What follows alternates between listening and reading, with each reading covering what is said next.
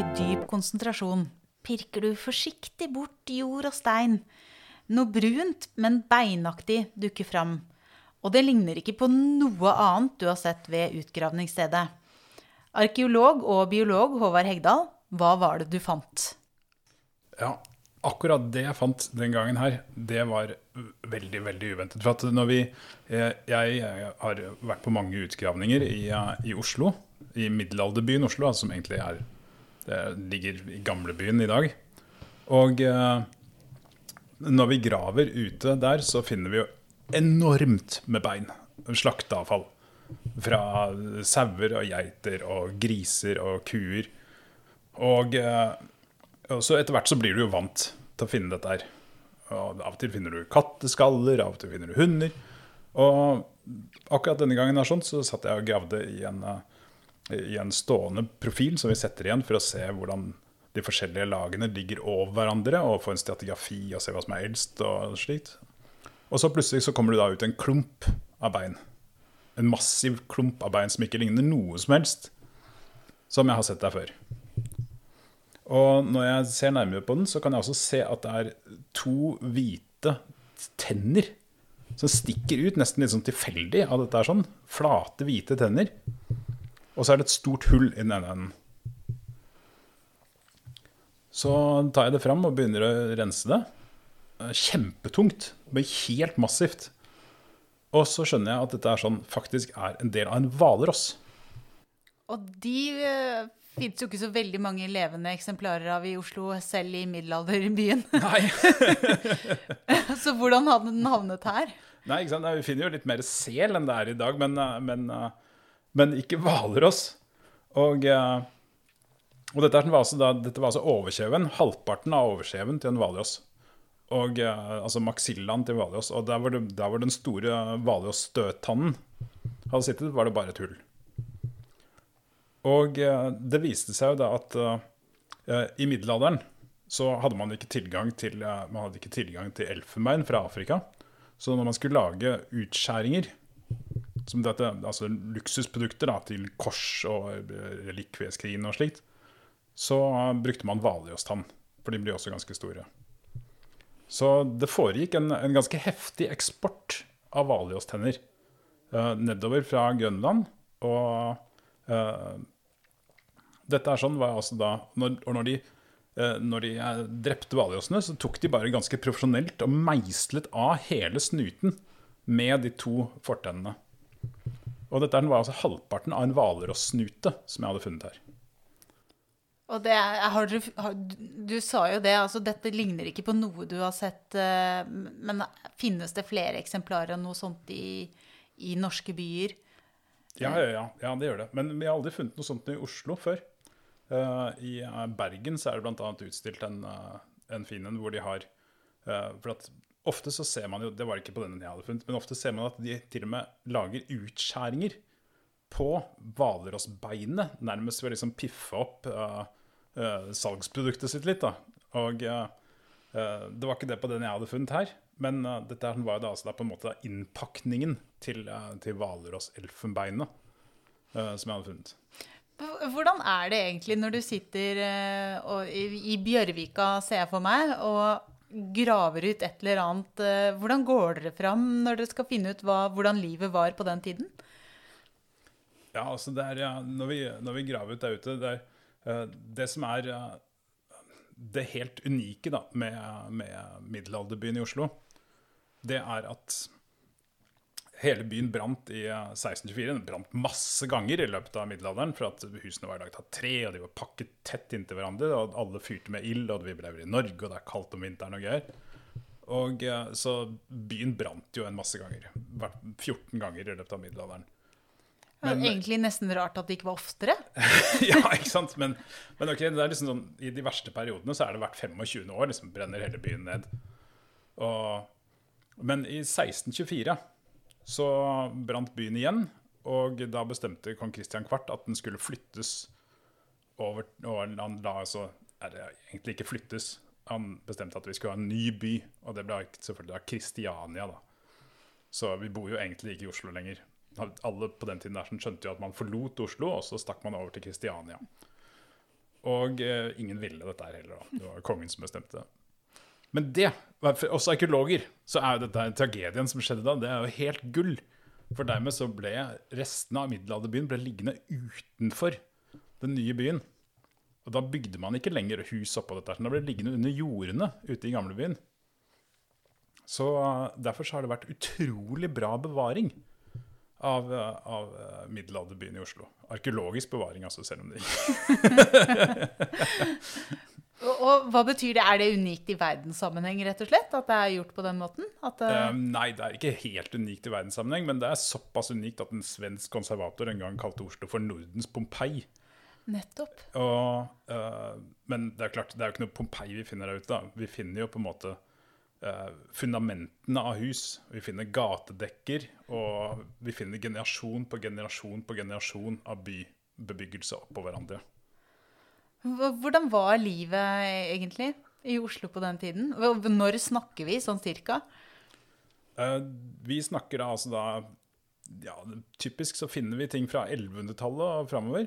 Og uh, hvordan var livet da? Det I hvert fall En ting er helt klart, er at livet på den tiden der var veldig skittent. Fordi uh, det var, Dette var jo et evig problem i middelalderen. Nemlig at husdyrmøkk, og også menneskemøkk, da, bygde seg opp i gatene.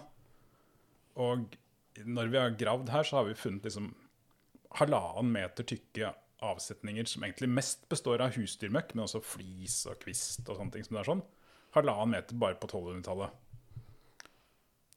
Som dekket hele byen? Ja, ja, som fylte opp gatene, da. Og dette, dette vil jo ha vært enda høyere på den tiden, her, for dette er jo kompaktert, ikke sant. Så uh, Så altså, de, de drukna jo i dritt, rett og slett. Sakte, men sikkert. Og vi ser åssen de liksom legger nye gatedekker der. Svære furuplanker. Av og til finner vi til og med de har brukt en båtside, kanskje til og med, som, eh, som gangvei, eller rester av eldre bygninger og slikt. Og så er det en gang vi har skikkelig bra initiativ og, og får bygd ordentlige gangveier, og så bare drukner dette også i dritt da etter hvert. Og vi ser til og med hvordan de har prøvd å trekke plankene opp av møkka ved et sted uten å få det til. Den bare blir stående igjen og så forsvunnet i dritten. da. Men ofte så blir jo Men alt, alt de har klart å bruke om igjen, har de jo brukt om igjen. da. Men hva med husene, da? Var det sånn at de sakte, men sikkert sank, de òg? Bygde de bare oppå, eller hvordan eh, Ja, de, de ble også sakte, men sikkert fylt opp rundt dem, da, så at du etter hvert fikk et, en lavere boflate inne i huset enn omgivelsene. Men, uh, men så hadde det med brannene, da. Ja, nettopp. Ja. Så det gjorde jo på en måte at du stadig måtte Det ble jevnet ut, og så bygget du nytt. Ja, ja, ja. Mm. Ja.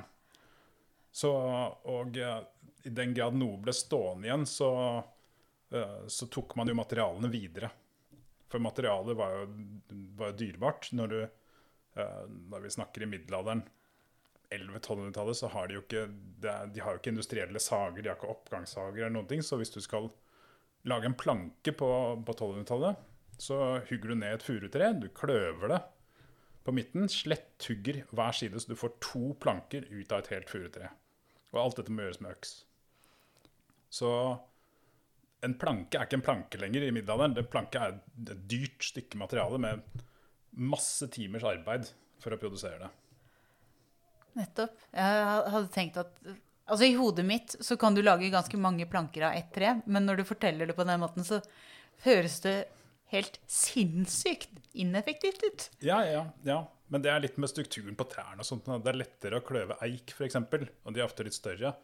Så der kløver du dem mer som et sånn kakestykke, ikke sant? og så lager du en planke av hvert kakestykke. Men furu og gran det deler de bare på midten, og så lager de to planker av det.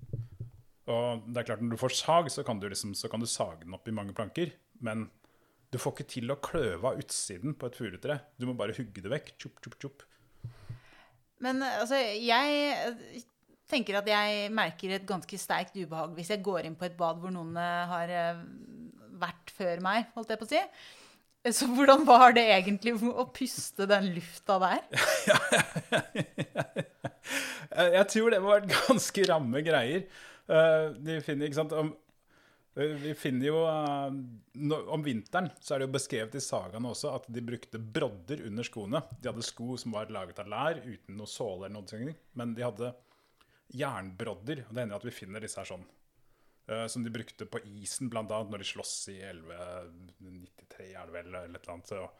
Eh, og eh, vi finner da på gangveiene så finner vi jo merker av broddene til, eh, til, som de har brukt om vinteren. Og da tenker jeg på liksom sånn den isen som lå over disse gangveiene om vinteren, som vel var delvis kom fra husdyr, og delvis kom fra mennesker, og ja. Så, og så smelter dette her om våren, og så ja, ja. Og så blander du det med slakteavfall og, og alt mulig annet som du finner omkring, da. Det, det høres så motbydelig ut. Eh, men eh, når du graver opp dette her, da har det forhåpentligvis slutta å lukte? Eller er det Ja og nei. Fordi eh, dette er jo, disse lagene her er jo det er, det er jo fantastiske bevaringsforhold i, i Oslo.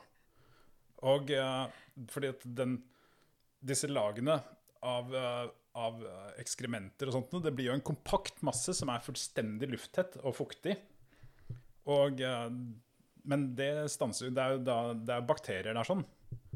Eh, Så når vi spar ned i de virkelig bra bevarte lagene, i latriner og sånne ting, hvor det virkelig er kompakt, og det mest ser ut som en slags sånn seig, grønn leire, da stinker det helt sinnssykt. Men, eh, men når vi graver, hvis du har gravd i Oslo en stund, så, så venner du deg til å få en slags sånn godfølelse da, når du virkelig kjenner det der nesten bedøvende lukta sprute opp mot deg. Så skjønner du at nå er du virkelig i Dette er, dette er gull. It's the shit. Ja, ja. bokstavelig talt. For det er, det er fantastisk bevaring i, i, i disse her lagene her. Ja. Men eh, nå snakker vi jo faktisk om eh, velbevart eh, dritt. Det, eh, hva bruker dere det til når dere skal finne ut noe i sånn eh, biologisk-arkeologisk? Uh, Ja, vi bruker vel ikke det så mye som vi kunne ha brukt det tenker jeg. Uh, Jeg mener, hvis du tenker på hva slags potensial dette her er fra et biofaglig perspektiv, da, uh, hvor mye informasjon som ligger i den dritten her, så så er det jo selvfølgelig Det er mest dritten vi burde tatt vare på derfra. Men, uh, men vi gjør jo analyser og greier, og det hender jo Vi tar f.eks. analyser for å se etter, eh, etter egg fra innvollsmark og sånne ting som det er. Og det er interessant. Og, uh, og en, et fantastisk og kanskje det funnet jeg selv syns var mest deprimerende fra Oslo, var inne fra, en, fra et ganske fint hus.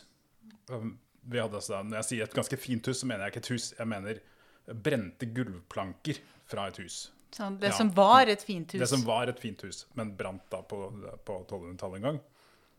Uh, og når huset brenner, så blir jo selvfølgelig alt vekk, men det hender at uh, men i disse husene var det ofte såpass stor glipe mellom plankene at vi finner mye ting mellom gulvplankene også.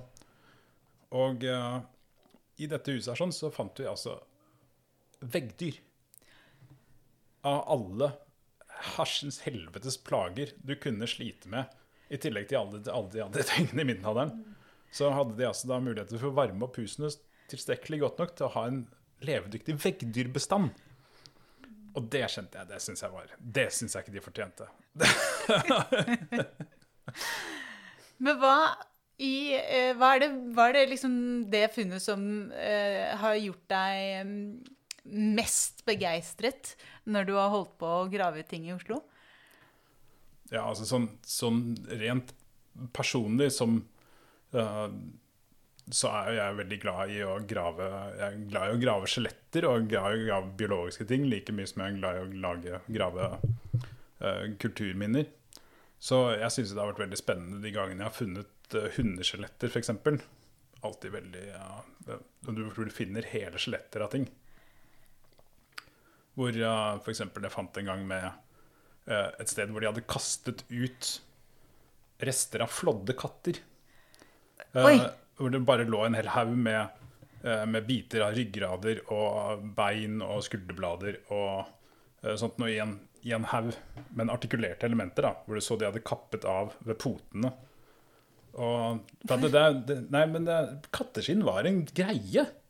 Rett og slett, på den tiden. der sånn. Det var en eh, bra greie. og Jeg tror kanskje for fattige folk, men jeg er ikke helt sikker på.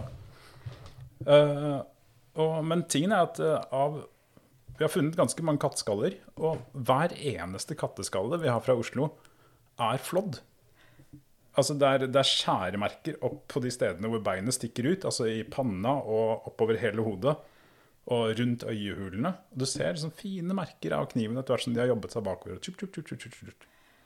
Men hva, hva i all verden uh, laget de av dette? Det, det, jeg vet ikke. Jeg så et bilde av uh, Jeronimus Bosch, hvor det er en tigger som går av gårde. Og han har noe som er- ser ut som en, bare en kattepels hengende på, hengende på sekken sin.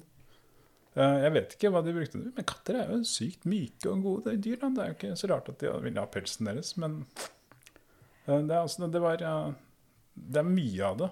Mye, mye flådde katter i Oslo. Men kommer du over mange sånne ting? Hvor du, hvor du ser at ok, her er det en trend på et eller annet, men vi aner ikke hva dette kommer av? Ja, man gjør jo det. Men noen ganger så klarer man også å, å skjønne noe mer ut av det. Da. Sånn, vi har av, av hodeskaller av dyr fra byen, så har vi f.eks. hodeskaller av, av geit, men ikke av sau. Og, så det virker som sau, sauekjøtt er importert utenfra, mens geit kanskje fantes i byen. Og da mistenker jeg at det er uh, at løsningen er at geitene gikk på takene. Å ja.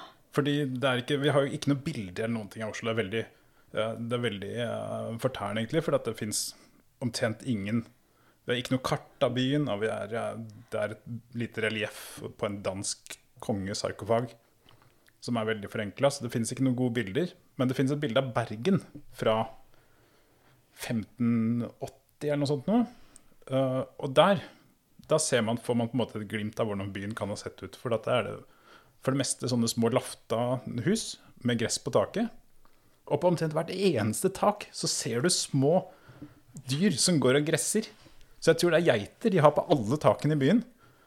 Det er klart Du kan ha geiter på taket, men du kan ikke ha sauer der oppe. For da faller de jo bare ned. og det tror jeg hodet på deg og sånne ting. Men, eh, så jeg tipper det er Jeg mistenker at det er greia, da, at de har sauer på gårder utenfor byen, og så har de geiter på taket inne i byen. Er det tilfredsstillende når du på en måte finner en forklaring på, på de fenomenene som du finner? Ja, det er jo kjempemorsomt. så kan man jo prøve å teste ut også, da. Og jobbe litt mer med det. Men hvordan er det? Du er jo både biolog og arkeolog. Eh, Føler du at du får bruk for den biologifaglige Er, det nyttig å ha det biologifaget i bakhånd når du, når du graver ut ting? Og på hvilken måte syns du det liksom virkelig har, eh, har eh, vært nyttig? Jeg syns jo både det er nyttig fordi at det hjelper jo alltid å ha litt sånn artskunnskap. og, og, men også kanskje mye måten å tenke på, da. Å tenke naturvitenskapelig og tenke i forhold til hypoteser og tenke i forhold til hva slags undersøkelser du kan gjøre for å teste ut ting og sånne ting. Nettopp. Uh, men du har jo også eh, gravd ut en del eh, altså Dette er jo en periode uh, hvor det skjer ganske mye spennende. Uh, og nå har vi jo hatt en pandemi over eh, halvannet år så langt. Eh, og en av de mest kjente pandemiene i verden er jo svartedauden, eller pesten. Og den kom jo også til Oslo på et tidspunkt. Eh, når var det den først kom til Oslo, og hva skjedde da?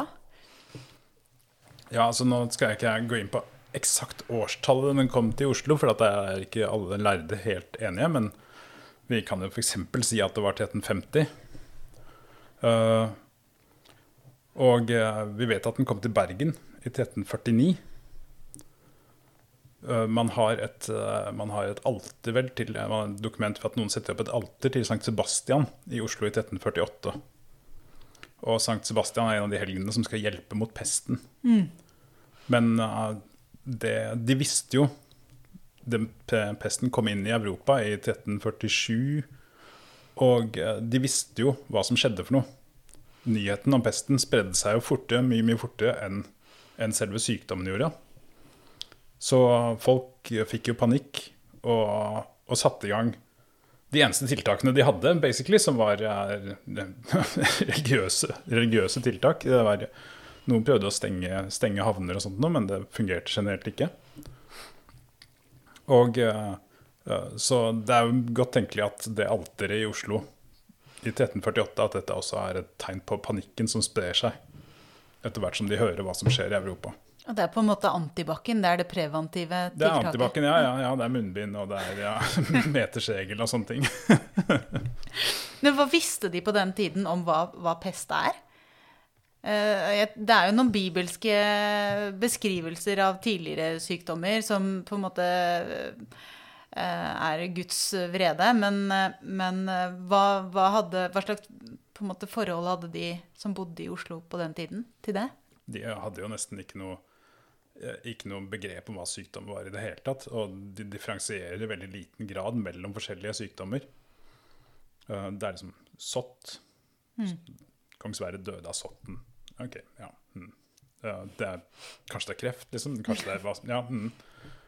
Uh, og når det kommer til pesten, så er det mye beskrivelser av symptomer og greier, men veldig lite kliniske uh, beskrivelser. Det er Eh, det er vel én lege i eh, Det er vel pavens lege, tror jeg, som, eh, som klarer å beskrive at det fins Han klarer å beskrive to forskjellige utgaver, som mest sannsynligvis er byllepest og lungepest.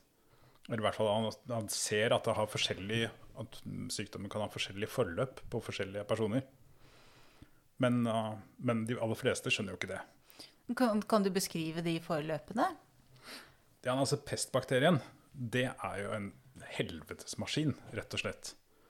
Uh, det eneste svakheten pestbakterien har, er at den trenger å komme inn i kroppen din ja, på en eller annen måte. Den har ikke spesielt bra vektor for å komme inn i kroppen din, så normalt så sprer den seg via en loppe eller en dus. Og eh, opprinnelig så skjønte man jo ikke hvordan dette sånn kunne skje. Fordi at man så eh, Hvis det kom pestbakterier inn i en loppe, så ville jo ikke det, det være så få bakterier i loppen at det ville være umulig for loppen å spre seg. Hvis den sugde blod av deg igjen, så ville du få liksom typisk et par bakterier i deg. og ville, eh, Sjansen for å smitte ville være minimal. Da. Men uh, det som egentlig skjer når pestbakterien kommer inn i en loppe, det er at den danner en klump, en slimklump, en bakterieklump, i halsen på loppa. Som, uh, som gjør at, uh, at Eh, at spiserøret blir blokkert. Jeg vet ikke hva det heter. Spiserør på ja, Vi kaller det esofagus, da, sikkert på en loppe, men, men det blir blokkert. Og så loppa får ikke i seg næring. Uh, den hopper videre til en ny vert og prøver å suge blod. Blod kommer inn, treffer bakterieklumpen, blander seg med titusenvis av pestbakterier. Sprøytes tilbake igjen ut i offeret. Uh, og loppa, fremdeles ikke fått mat, hopper videre til noen andre etter hvert som den blir mer og mer sulten. Så pestbakterien gjør effektivt loppa om til en, uh, til en injeksjonssprøyte for bakterier. Dette er en ganske utspekulert adopsjon. Da. Ja, eh, det er jo Nå skjønner jeg hvorfor den ble så veldig utbredt, den, den sykdommen der. og men vi er jo fortsatt på, på, å prøve å beskrive da, hva det er som skjer. Så nå vet vi jo hvordan sykdommen kommer inn i kroppen. Men så har vi eh, Ikke keiseren, men eh, pavens eh, lege, som da har noen beskrivelser av eh, Han visste jo ikke det da med ja, loppene, nei, mm. antagelig, men, men han har noen beskrivelser av hvordan den sykdommen utarter seg. Så hva er det som skjer når loppene faktisk har da spytta ut en liten klump med ja, Yersinia? ja, altså Yersinia pestis, da. Herlig bakterie. Uh, den, uh, den, kommer inn i kroppen din, og er litt avhengig av hvor den treffer en. da. Normalt så, uh, så, vil den spre seg gjennom lymfesystemet. og bakteriene, når, først, når, du først er infisert av pest, så Eh, så høvler de over alt, alt du har. De bruker De spiser opp immunsystemet ditt, og det er liksom helt det Kroppen din er bare en vits med en gang du er blitt smitta. hvis den kommer inn i lymfesystemet ditt, så får du den klassiske byllepesten. da. Hvor, hvor du får hovne og svarte lymfeknuter. Og denne, den varianten der sånn av sykdommen har, er det en viss sjanse for å overleve. Noe sånt som mellom en femtedel eller en tredjedel overlever naturlig i dag, da. ja, og eh, kanskje mindre da, med tanke på alle veggdyrene og all, all, all dritten, Ja. rett og slett. Ja, det kan godt hende. Eh, Det er gjort, jeg vet det er gjort noe studier for å se på om det er, om det er en korrelasjon mellom, eh, mellom helse og, og dødelighet og sånne ting som er sånn. Det kan jo godt være at vi er eh, vi fremdeles har effekten av seleksjon med oss. da, At vi er mer robuste mot, eh, mot i dag, for alt jeg vet. Men, men du har en sjanse for å overleve, og det tar typisk en ukes tid. da. Og det er ekstremt smertefullt. Så ok, det er, det er byllepesten. Men uh, hvis du får bakteriene inn, inn i blodsystemet ditt, så får du blodpest, altså septisemisk pest. Og der er jo dødeligheten mye, mye, mye høyere. Og det er omtrent ingen sjanse til å overleve i det hele tatt. Dette går også en del fortere, og du blir svart. eh, eh, og eh, ser elendig ut. Dør fort.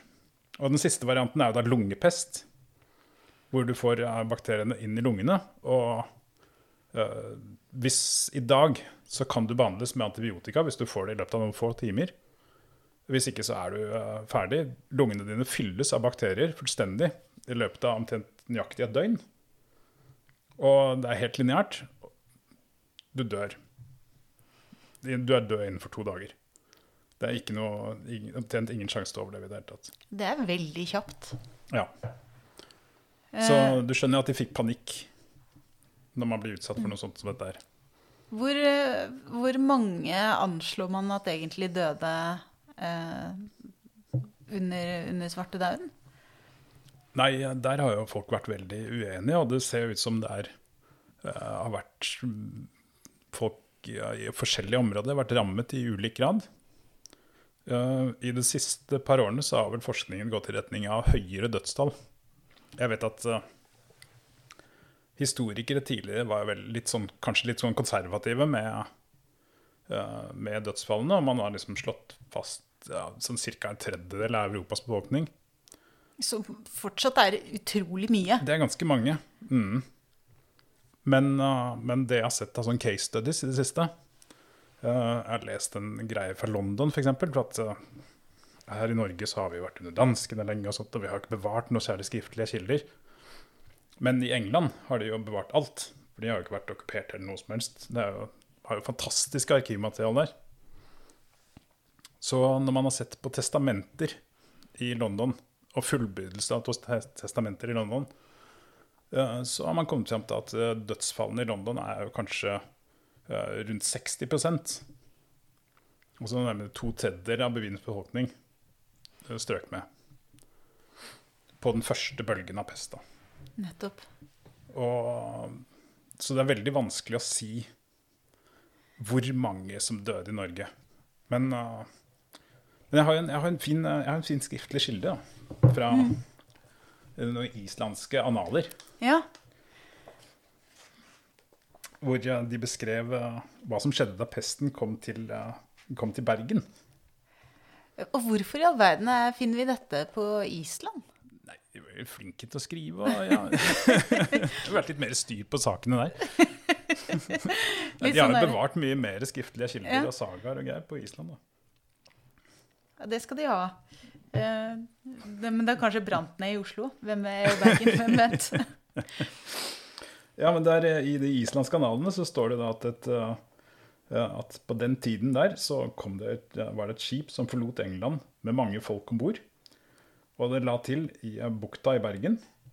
Og litt av lasten ble, ble lastet av. Og så døde alle om bord på skipet.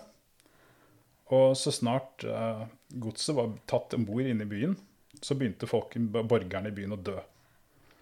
Deretter så sveipet pesten over Norge og skapte slike ødeleggelser at ikke engang en tredjedel av folk overlevde. Det engelske skipet sank med lasten og de døde mennene, og resten ble ikke lastet av. Flere skip og frakteskuter og mange andre skip sank eller drev vidt omkring. Står det i annalen.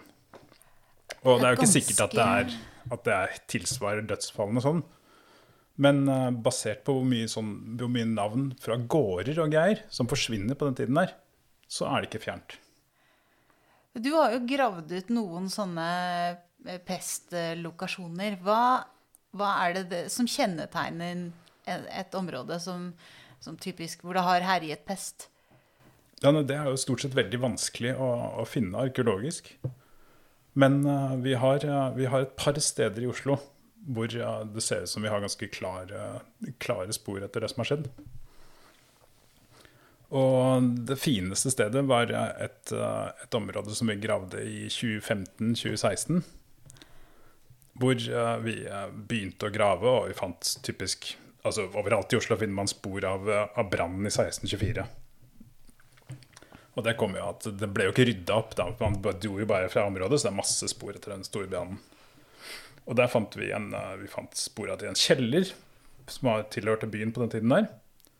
Og når vi gravde oss lenger ned, så var det bare tomt. Det var bare søppel og stein. Og, uh, og, så da, liksom, da, skjønte vi at ok, nå er vi nede på 1400-tallet. Og så gravde vi oss lenger ned.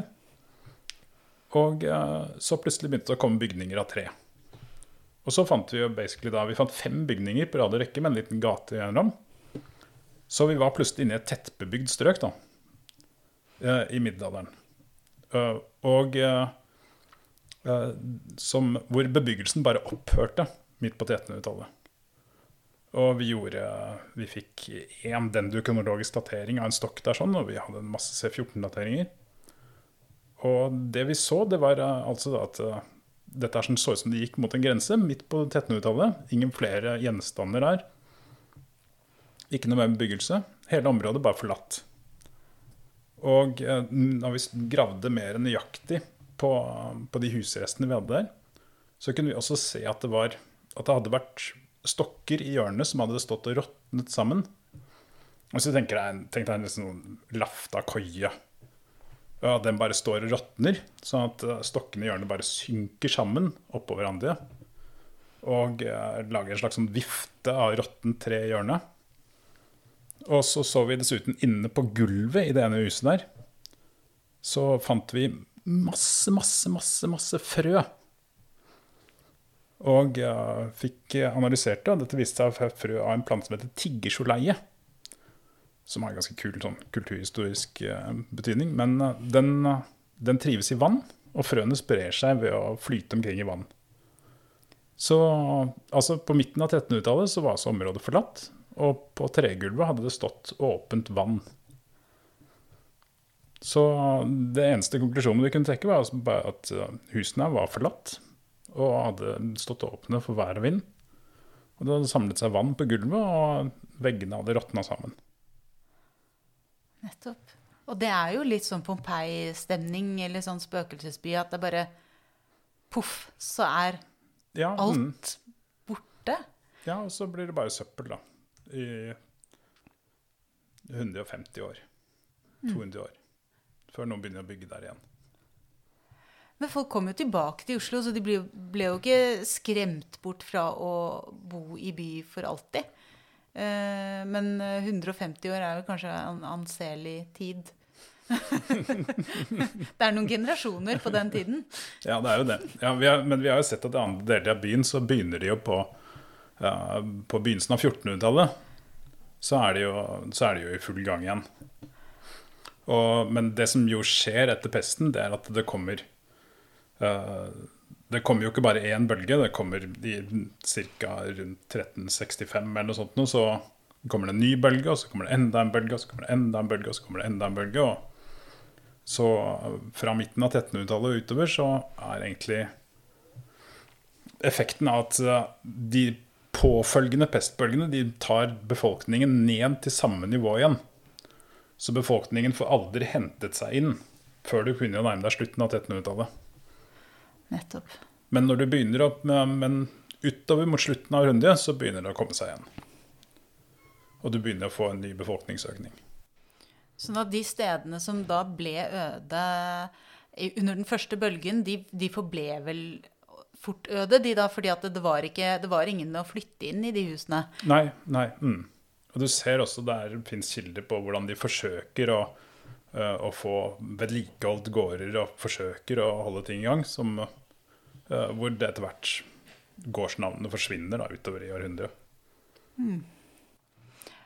Dette her får jo vår nåværende pandemi til å selv om det har vært brutalt med lockdown og alt mulig, så, så, så blekner det jo i forhold til, eh, til, den beskrivelsen. Ja, ikke eh, sant. Jeg tror det er nesten Du må på en måte over til en slags sånn zombiefilm liksom, for, å, for å skjønne hvordan dette sånn, ville artet seg. Uh, I London så sto halvparten av husene tomme. Og det er beskrevet hvordan liksom, kornet står igjen på jordene uten noen til å slå. Uh, pesten sprer seg jo til husdyr også, ikke sant? Og jeg har tenkt litt på dette der sånn med Det er jo ikke det er jo litt sånn Du skulle jo tro på en måte at det skulle finnes endeløst med skriftlige kilder på den, men det er jo ikke det. Det er jo ikke så mange skriftlige kilder, men hvis du tenker litt over det, uh, så er dette det er sånn For det første så er det katastrofen er jo så total, og folk tenker jo Den eneste forklaringen de har, er at Gud straffer dem.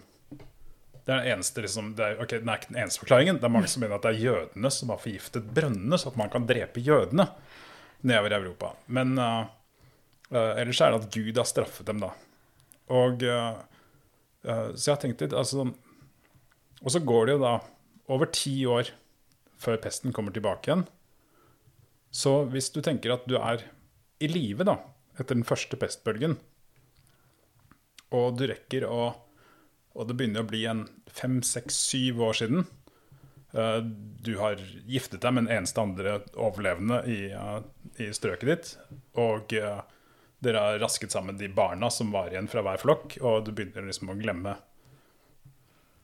Kunne begrave de døde fra første runden. Så vi har jo tro at veldig mange på den tiden der sånn har følt dette som en enormt bra tid. Når man begynte å glemme å glemme de døde fra, den første, fra det første angrepet av pesten. For da visste de jo ikke at det kom til å komme tilbake igjen. Mm. Så en seks-syv år etter så hadde du plutselig en, en, materiell overflod som man ikke kunne drømt om i, det, bare noen år før. Og, og, man tenkte vel sannsynligvis at man var blant de som Gud hadde spart. Nettopp. Litt utvalgt. Ja, um, så jeg vil jo tro at akkurat, akkurat, de første få årene Akkurat den første lille pausen må jo ha vært en ganske bra tid. Mm. Paradoksalt nok. Ja. ja. Men så kom du jo tilbake igjen, og da ja. ja. Men det var kanskje sannsynligheten for å overleve igjen større, da? Hvis du hadde, la oss si at du hadde hatt den og fått uh, immunitet, som vi har snakka mye om i våre dager med vaksiner og korona. Uh, var, var, det sånn i, den tiden at du kan være immun mot pestbakterien hvis du har blitt utsatt for Ja, hvis du var en av de ekstremt få som faktisk overlevde, så kanskje du var det. Men, men jeg vet jo at det har vært litt diskusjon omkring dette sånn med seleksjon og, og, og pest. Og For at det står jo i kildene. Altså den, det at pesten kommer tilbake så periodisk, er veldig suspekt. Og, eh, så står det i kildene at når den kommer tilbake igjen, pest i sekunda, så, eh, så er det mest Det dør mye flere barn. Ja. Og det dør rike. Og begge de gruppene er sånn er, Nå har du da rukket å få barn igjen, da, siden runde én. Og de har selvfølgelig ikke vært utsatt for pesten. De er jo ikke eh, Hvis du tenker at pesten primært har smittet de som har vært utsatt på en eller annen måte, Eh, så har du hatt en ganske heftig seleksjon. Så bygger du opp en ny populasjon av barn som ikke har vært utsatt for denne seleksjonen. er sånn.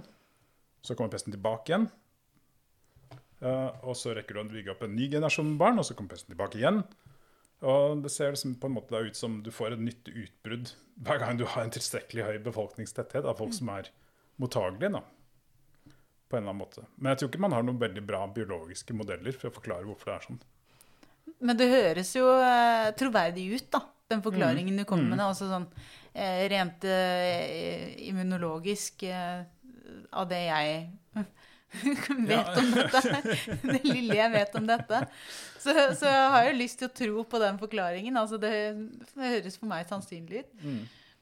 Men, men det, er jo, det er mye andre ting her sånn som kunne spilt med. da.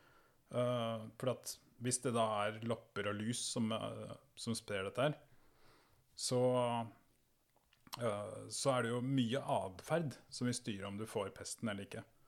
Hvis du er en klemmer, f.eks., så, så er det klart, da er du jævlig utsatt. Men hvis du er mer sånn loner og bare De introverte vil jo ha hatt en stor dag. ikke sant? Så det er mye ting som ikke har direkte med immunitet å gjøre også, som vil ha beskyttet deg. da. Å være sur og ufordragelig, så Men det er kanskje ikke egentlig anbefalt uh, likevel, ja, uh, tør jeg påstå, å være sur og ufordragelig. For det er jo noen fordeler å ha venner. For overlevelse også, vil ja, jeg tro. Ja. Mm. Uh, men, men, nei, det er inter interessant det du sier der. Um, og, men du, du nevnte noe med at husdyrene fikk dette her, men hva med rottene og musene? Altså, Ble ikke de uh, syke? De, jo, de har jo fått skylda, i hvert fall i mine barneskolebøker, så var det de som fikk skylda for å, for å spre eh, pesten. Men eh, fikk ikke de sykdommene? Døde, klarte de seg greit? Jo, men jeg vet at det er, det er De burde jo ha dødd over en lav sko. For den er, den er, like dødelig for rotter som den er for oss. Men jeg tror ikke det er noen gode beskrivelser av masse masse døde rotter. Jeg, vært, jeg vet det har vært manko på det nå, i noen sammenhenger. Og i Norge så er det også, så er det også innvendt at det umulig kan være rotter som sprer det fordi vi har så få rotteskjeletter arkeologisk. Og det stemmer. Det er jo nesten umulig å finne smågnagere i arkeologi. Men det tror jeg ikke kommer av at det er få rotter der, egentlig. Nei, hva tror du det kommer av? Jeg tror det kommer av um, delvis av bevaringsforhold, og kanskje de spiser hverandre opp når de er døde. Oh. Er, mus er jo godt kannibalistiske, så Men uh, det er hvert fall, det vi finner omtrent aldri, da. Ikke, nesten ikke noe jeg har funnet fire-fem ganger på alle årene jeg har gravd i Oslo. Det er veldig vanskelig å forestille seg at det ikke var rotter og mus i, i Oslo med den beskrivelsen som du kom med innledningsvis. Ja. Jeg mener, Hvis du har to rotter i Oslo, hvor mange rotter har du her da egentlig? Det er jo ikke, Du skal ikke ha så mange måneder under sånne forhold som det der. Sånn. Så nei, nei jeg, tror ikke, jeg, tror ikke, det at, jeg tror ikke egentlig det ikke var rotter der. Men, eh, men på Blindern nå så er det gjort en, en simulering hvor de hadde hvor de hadde undersøkt om det kunne være eh, om pesten kunne være båret av, av lus og menneskelopper direkte mellom mennesker. Og det syns jeg gir veldig mye mening når du ser på, du ser på spredningen av det. Og, eh, og I, også i middelalderen så har du jo Klær er jo enormt arbeidskrevende og dyre ting. Skoene vi finner i Oslo, er brukt til det ikke er noe mer igjen av dem. Og deretter så er de skåret av læret, og de har brukt det til noe annet. Og Uh, alt ble jo gjenbrukt. Så tøyet til de som døde, ble også gjenbrukt. Og Boccaccio, som har skrevet Dekameronen, skriver i introduksjonen til Dekameronen, hvor han prater om pesten, at folk som tok på de dødes klær, også døde. Nå skriver han mye andre ting, der også, men, men, akkurat den observasjonen der sånn, stemmer jo veldig godt med, med at det skal være lus og lopper. da. Så det er kanskje det som uh, i framtidens barneskolebøker uh, uh, blir forklaringen. Ja, mm, men det er jo en veldig sånn positiv forklaring. Da, for at det, da, så lenge ikke alle klærne dine kravler av lopper, så er du ganske safe.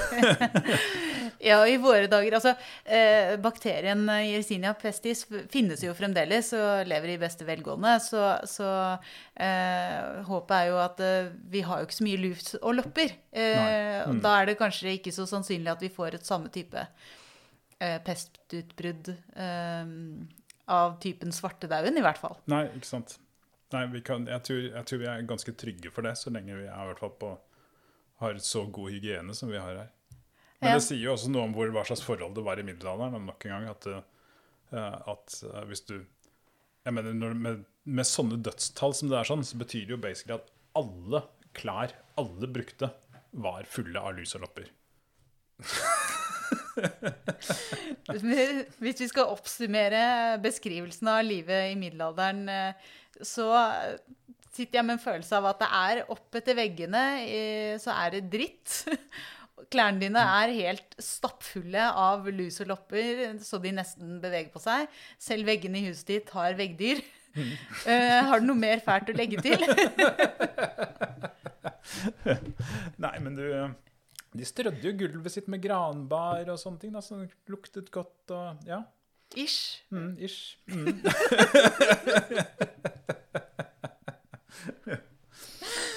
Jeg tror vi avslutter der. Men tusen, tusen takk, Håvard Hegdal, for at du delte dette med oss. Ja, bare hyggelig. Eh, Det har vært utrolig spennende å høre på.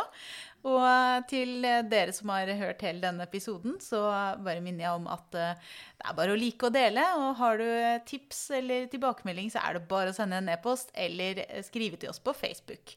Vi høres. Du har nå hørt Biopodden intervju med Elina Melteig. Og med på laget har vi også Torborg Galtland, daglig leder i Norsk biologforening. Husk å melde deg på biokonferansen fredag 12.11.2021. Temaet er De umistelige. Om arter og natur vi ikke kan miste. På biokonferansen deler vi også ut Bonnevie-prisen til en utmerket fagformidler. Kom gjerne med nominasjoner til post at bio.no. Musikken du hørte er laget av biologibandet Overgump, som består av Even Slekten Garvang, Markus Fjelle, Erik Møller, Mathias Kirkeby og Audun Rugstad. Fortell gjerne om podkasten til venner og kjente, og gi oss tips og tilbakemeldinger på e-posten biopodden at bio.no. Og hvis du vil støtte oss, så er du hjertelig velkommen som medlem av Norsk biologforening. Vi høres.